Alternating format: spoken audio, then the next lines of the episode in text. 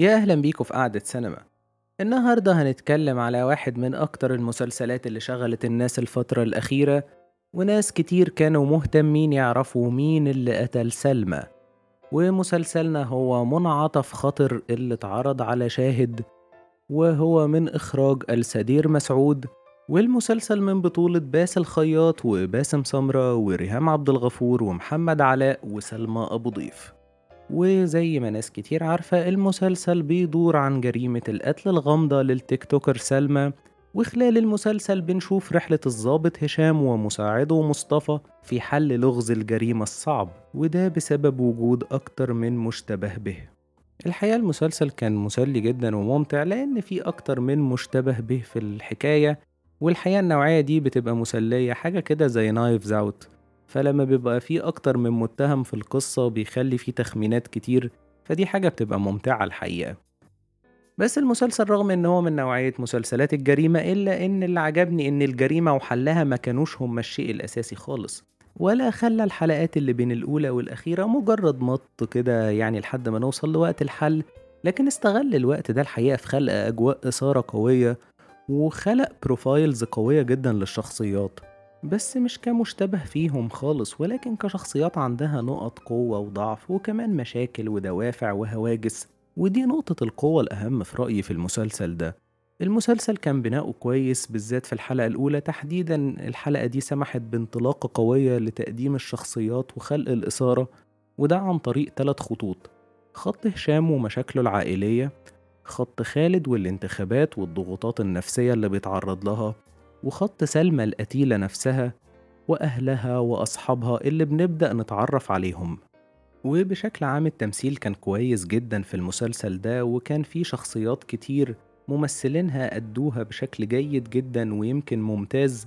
وحتى في ممثلين أنا ما كنتش بحب أدائهم أو بيبقى مقنع ليا في العادي بس هنا كانوا مقبولين. وانطلاقا من أهمية الشخصيات خلونا نبدأ نتكلم عن بعض الشخصيات اللي لفتت نظري وحابب أتكلم عنها. وأول شخصية عايز أتكلم عنها هي شخصية هشام اللي لعبها باسل خياط وباسل خياط من أكتر الممثلين العرب اللي أنا بحبهم الحقيقة. أنا يمكن ما تابعتوش في الأعمال السورية ولكن في الأعمال المصرية حبيته جدا. تحديدا مسلسلات طريقي مع شيرين ومسلسل 30 يوم اللي كان مع آسر ياسين ومسلسل الرحلة واحد من المسلسلات الحلوة جدا وأندر ريتد شوية وكان معاه في المسلسل ريهام عبد الغفور وحنان مطاوع. ومؤخرا الشخصية اللي لعبها في مسلسل منعطف خطر هنا.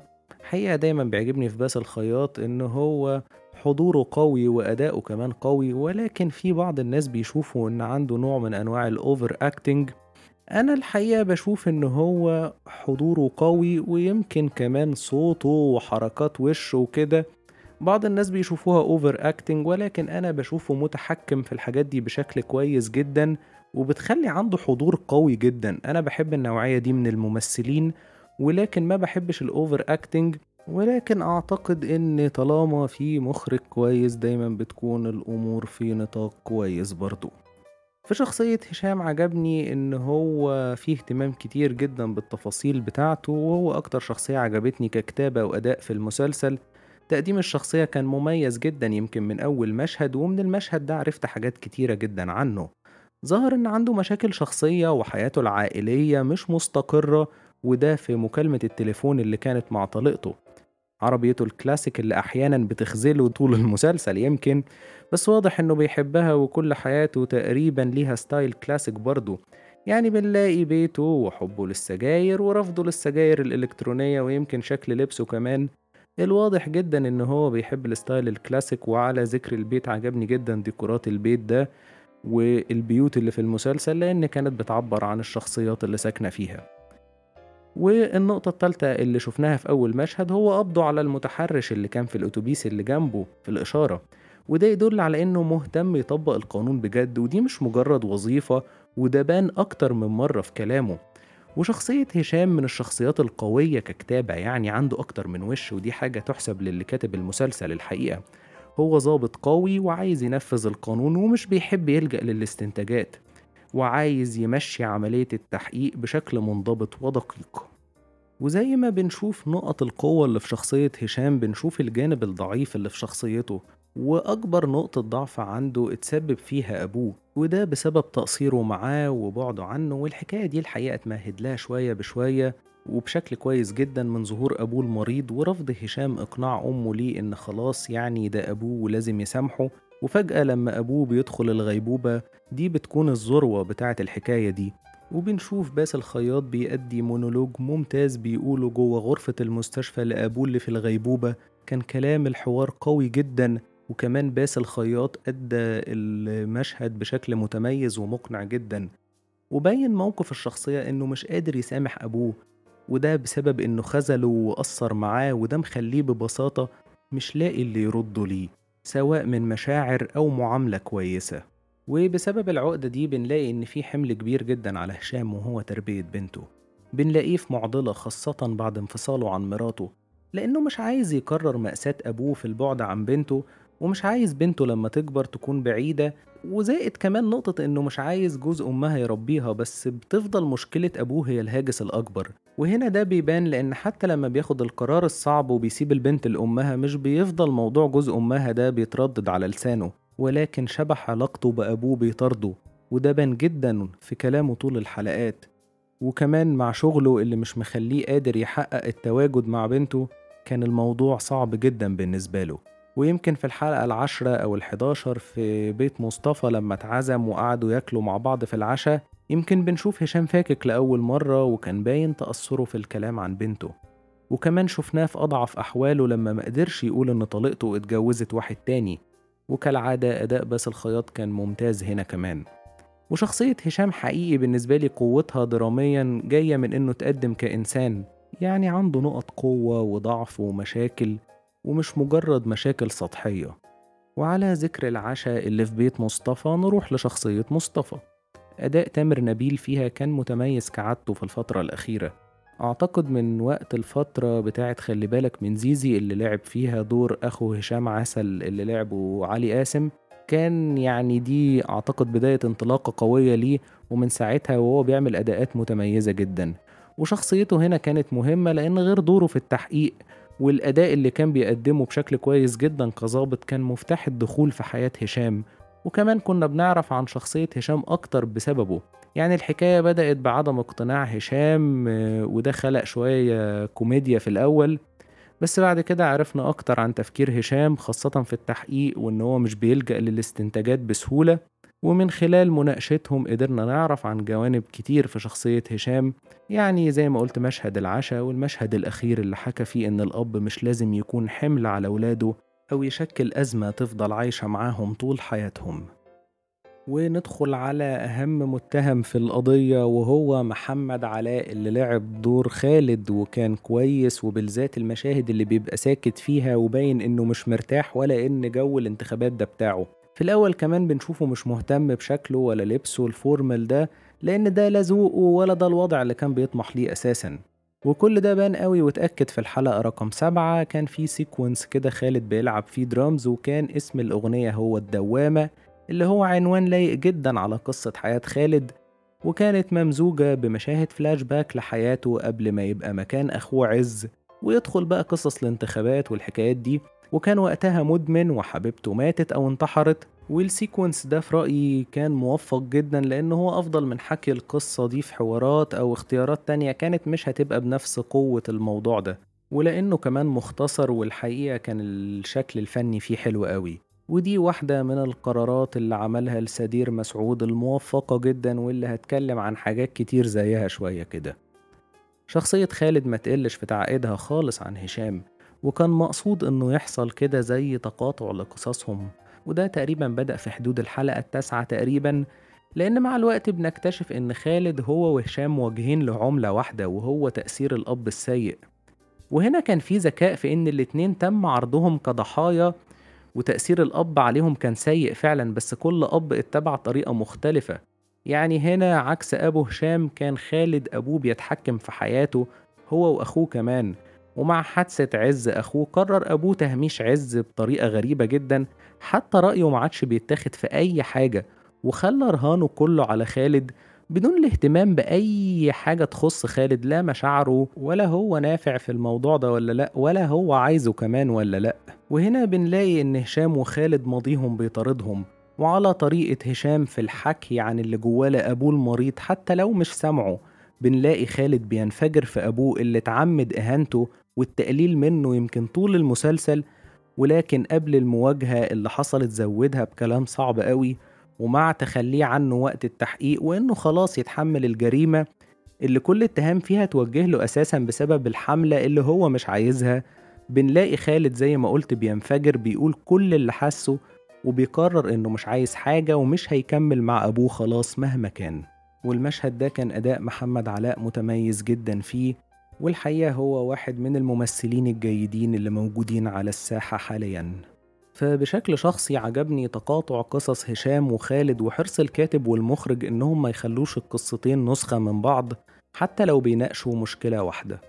وندخل على شخصية جمال اللي أداها باسم سمرة بشكل متميز جدا. شخصية صعبة جدا ومعقدة ومشاهده كمان هو صعبة جدا واتحط في اختبارات كتير ما بين الخوف والغضب والملاوعة والكذب وحاجات كتيرة جدا.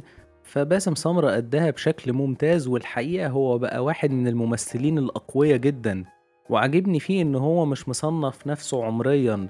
يعني ممكن نلاقيه بيعمل أب البنت مش صغيرة في السن يعني زي سلمى أبو ضيف. وكمان بنلاقيه بيعمل أدوار كتير مختلفة شريرة وكوميدية وهو كمان دمه خفيف جدا الحقيقة بيضحكني. زي الدور اللي في تيتا رهيبة بتاع مسا مسا يا رؤوف الحقيقة هو دمه خفيف.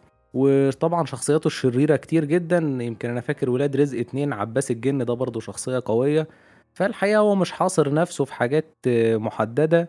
ويمكن له أدوار بتبقى تجارية شويتين بس الحقيقة لما بيتم استغلاله على المستوى التمثيلي بشكل كويس بيطلع أداءات حلوة جدا. وعلى الجانب الآخر في شخصية الأم بنلاقي ريهام عبد الغفور بتقدم أداء متميز جدا في شخصية جيهان. والحقيقة دور الأم في رأيي مغامرة شوية بالنسبة لريهام عبد الغفور. مش كتير في سنها يقبلوا يعملوا دور الأم بالنسبة لبنت زي سلمى بضيف برضه والحقيقة السنة دي ريهام عبد الغفور بتقدم أداءات متميزة جدا. اتكلمت يمكن مع صديقتي أمنية عادل في الحلقة رقم 58 عن مسلسل وش وظهر وأداء ريهام عبد الغفور وإزاي هي رحلة تطورها من زمان بادئة يعني لحد ما وصلت إنها بتعمل أدوار متميزة جدا زي دورها في المسلسلين دول. فالحقيقة هي نشيطة جدا السنة دي وبتعمل أداءات كويسة جدا. وبالنسبة لدور الأم بنلاقيها إنها من القليلين اللي ما كانش مشتبه فيهم. بس ما عملتش طول الوقت أداء الزوجة بقى المنكسرة اللي خايفة على بيتها وكل الكلام ده. لأ بنلاقي فيه لحظات قوة بالذات اللي بتواجه فيها هشام أو باس الخياط وبتحاول تداري فيها على جوزها إن هو لأ ما قتلش كريم أو ما عملش حاجة. وبنلاقي مشاهد المواجهة اللي بينها وبين باسم سمرة في الآخر بتقدم فيها أداء عظيم جدا وبشكل عام عجبتني شخصيتها وأدائها في المسلسل. نيجي بقى لشخصيتين كان عندي عليهم ملحوظتين كده. أول شخصية هي شخصية كريم اللي لعبها آدم شرقاوي. الحقيقة هو ممثل كويس جدا وأداؤه حلو جدا بالذات في المشاهد اللي هو ساكت فيها مش تقليلا يعني من إنه لما بيتكلم بيبقى وحش أو الكلام ده خالص لأ. بس اللهجة فيها مشكلة. يعني في لعبة نيوتن وشخصية بيج زي كانت الحكاية مبررة. هنا كان في مدارس أجنبي فما كنتش مقتنع مية في المية بس أعتقد بعد كده هيبقى في حصر ليه في أدوار الشاب اللي بيتكلم بلهجة أجنبية شوية فهتقلل أدواره مع إنه ممثل كويس جدا. الشخصية التانية هي شخصية بنت هشام اللي هي عندها ADHD وأعتقد إن الحكاية دي ما كانتش ليها فايدة دراميا في المسلسل. وبقت موضة جدا بعد مسلسل خلي بالك من زيزي واللي استعانة بريم عبد القادر الطفلة اللي لعبت دور تيتو في مسلسل خلي بالك من زيزي أعتقد خلق نوع من التكرار وما أضافش دراميا في رأيي. نيجي بقى للإخراج والحقيقة المخرج السدير مسعود الواضح إن هو شاطر جدا وعجبني إن دي يمكن تاني تجربة ليه في عالم المسلسلات حسب موقع السينما dot com هو ما أخرجش غير مسلسل اسمه قيد مجهول هو مسلسل سوري اتعرض على OSN وكان من أعمالهم الأصلية. والحقيقة كان بطولة باسل الخياط برضه وكان عنده قبل كده حسب كلام الموقع فيلم قصير. فالواضح إن دي من أول تجاربه يعني. فإن هو يقدم الشكل ده الواضح إن هو شاطر وفاهم شغله كويس جدا وعنده شكل مميز كمخرج يعني. والتميز كان في الشكل البصري والإيقاع والاختيارات على مستوى الصورة عامة والمونتاج والموسيقى واختياره لكل حاجة في الكادرات وأداء الممثلين كل دي حاجات تحسب له وكان موفق فيها جدا.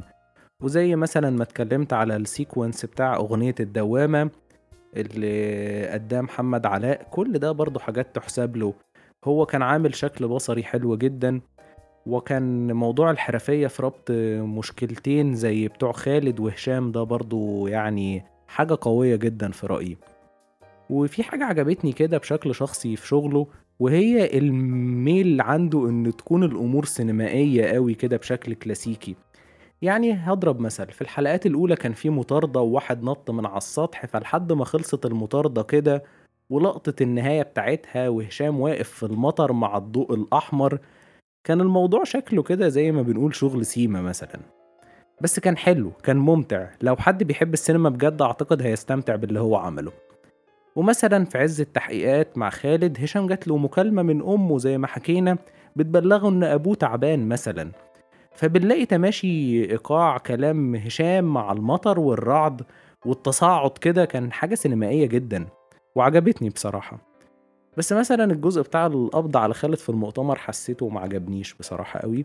كان أقل القرارات بس ما كانش سيء برضه بس كان يعني ما حبيتوش وزي ما قلت التصوير كان ممتاز جدا. وهنا بنلاقي مدير التصوير حسام حبيب استخدم آه، الإضاءة وألوانها بشكل متماشي مع المواقف والحوارات فكانت مميزة جدا والحقيقة المونتاج برضو كان من عناصر القوة والموسيقى في لحظات كتير خاصة مشهد ريهام عبد الغفور وهي راحة تواجه باسم سمرة. كان التراك فيه حلو قوي. آخر حاجة حابب أتكلم عنها هي نهاية المسلسل. من قبل النهاية أنا كان عندي مشكلة شوية مع عدد الحلقات. آه ما كانش التطويل من النوع السيء بس كان ممكن عشرة أو اتناشر حلقة يبقوا كافيين بالنسبة لي. أه والتشويق كتر والتوقعات عليت وأنا يمكن الجزء كمان بتاع خالد كمال على قد ما أداؤه فيه عجبني جدا بس برضه حسيت إن هو طول علينا شوية. بس جت النهاية في الآخر وسببت لي شوية إحباط الحقيقة. يعني فكرة إن الأب هو اللي قتلها بالغلط حسيت إنها نهاية ما تليقش بالسسبنس اللي إحنا كنا عايشين فيه ده وانتظرنا كتير فحسيت إن اللي حصل مش على قد التوقعات في رأيي. وتنفيذ مشهد القتل نفسه ما كانش أفضل حاجة في رأيي خاصة إن كان في كذا تخيل للجريمة على مر المسلسل التنفيذ ده بقى كان أقل واحد فيهم. وهو ده اللي حصل بجد. مش مجرد افتراض زي اللي حصل قبل كده. يعني لو قارناه بمشهد قتل مدرب الجيم لسلمى اللي بيطلع افتراض خاطئ في الآخر هنلاقيه أقل منه شوية برضه. فيعني الموضوع كان محبط شوية. يعني لو كان عمها اتطوع وراقبها وقتلها كان في رأيي أوقع كمان. خاصة إنه عمل كده مع أخته وبدون ما يرجع لجمال حسب حكاية سلامة اللي هي أفضل أجزاء أحمد ماهر في المسلسل وحكايته كانت كويسة بصراحة ليها. بس اللي ساهم في تخفيف آثار المشكلة دي في رأيي أو اللي عوض المشاهد هو المواجهة بين ريهام عبد الغفور وباسم سمرة اللي الحقيقة كانت كويسة وغطت شوية على مشكلة النهاية في رأيي. ويمكن النهاية كانت مفتوحة شوية إن جمال ما عليه. بس لما فكرت حسيت إنها مش غريبة يعني. لأن ده حصل مع خالد. آه ساب أبوه ورجع للمكان اللي أصحابه بيلعبوا فيه مزيكا بس معرفناش كمل ونجح ولا لأ. وهل كمل مع البنت اللي كان مرتبط بيها ولا لأ؟ كل ده ما تجاوبش. فممكن النهاية تكون مفتوحة يعني على طريقة اللي حصل مع خالد أو في جزء تاني للقصة وده شيء شخصيا ما تمنهوش بس لو حصل هتفرج بس مش هيكون عندي توقعات. أو ممكن يكون في استمرار للمسلسل عن طريق شخصية هشام ومصطفى ويحققوا في حاجة جديدة مثلا. بس برضو يعني مش متوقع ده قوي بشكل شخصي.